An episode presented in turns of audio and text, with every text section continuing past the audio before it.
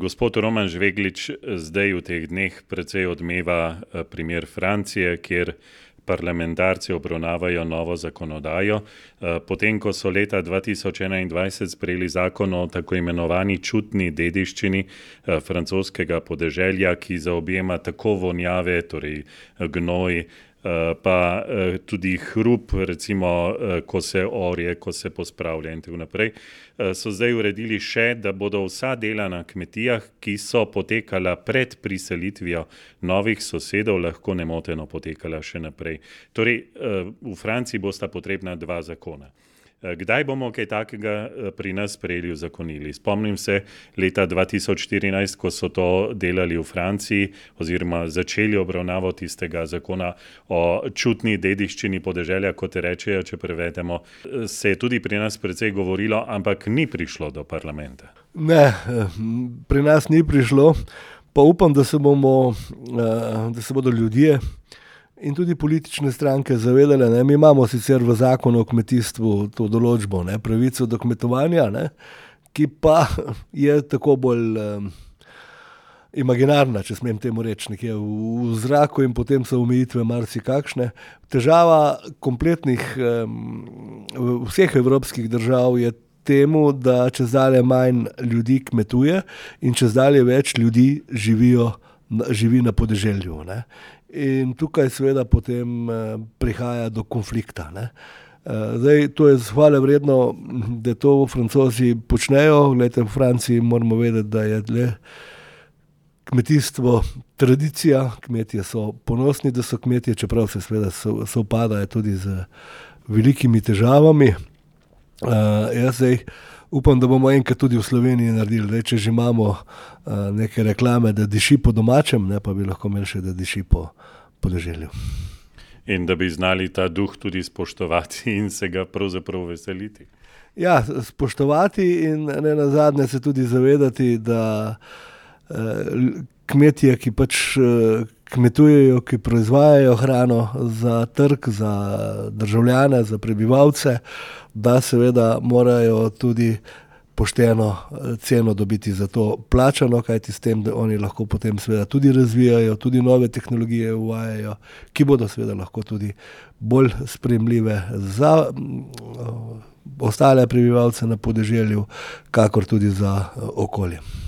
Eh, še eno špekulativno vprašanje, gospod Roman Žveglič. Glede na to, da smo letos bili priča poslanskemu zakonu o dobrobiti živali, pravzaprav bi lahko poslanci povzeli pobudo tudi na tem področju in naredili še na tem področju na hitro kakšno spremembo, zdaj ko že znajo.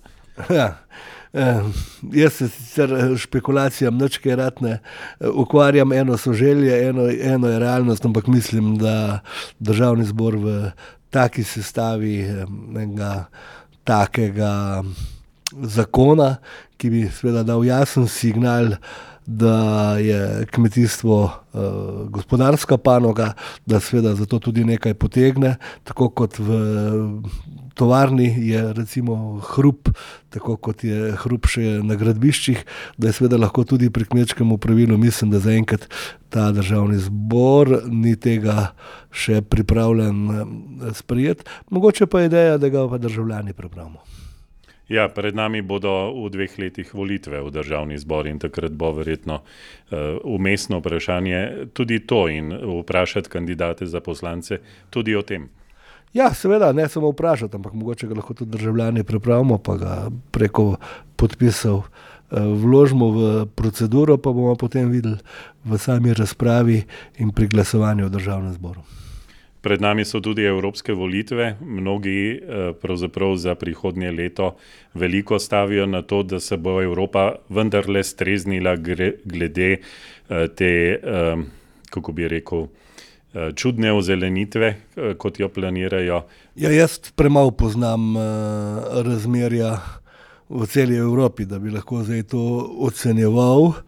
Uh, ne vem, se pa bojim, da je čez dalje več tega protievropskega um, mišljenja, protievropskega nastrojenja, ravno zaradi nekih teh čudnih evropskih uredb, evropskih direktiv, ki posegajo tudi v način življenja v posameznih državah članicah. Ne.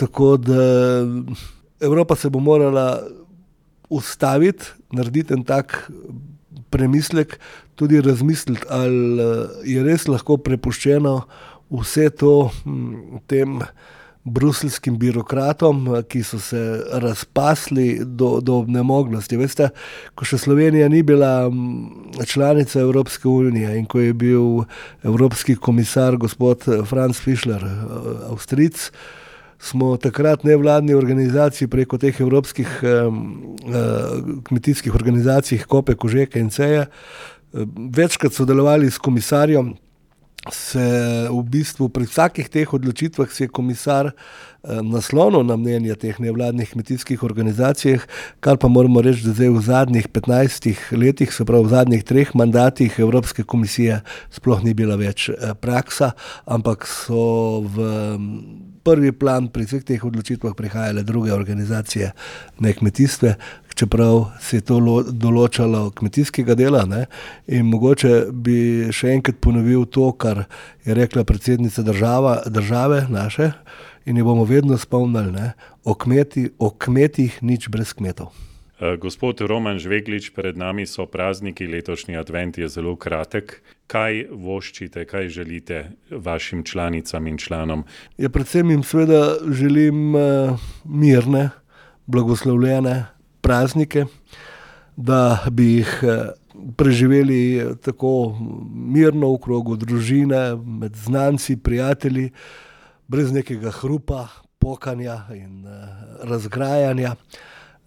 Za naslednje leto pa seveda jim predvsem želim eh, zdravje, da bi jim bila sreča mila, da nam vreme služi bolj kot nam je v teh letih in da bi imeli seveda tudi, da bi oblast imela malo več besede za kmetijske probleme. Hvala lepa, lepe praznike tudi vam in vse dobro v novem letu. Hvala vam in lep pozdrav poslušalkam, poslušalcem.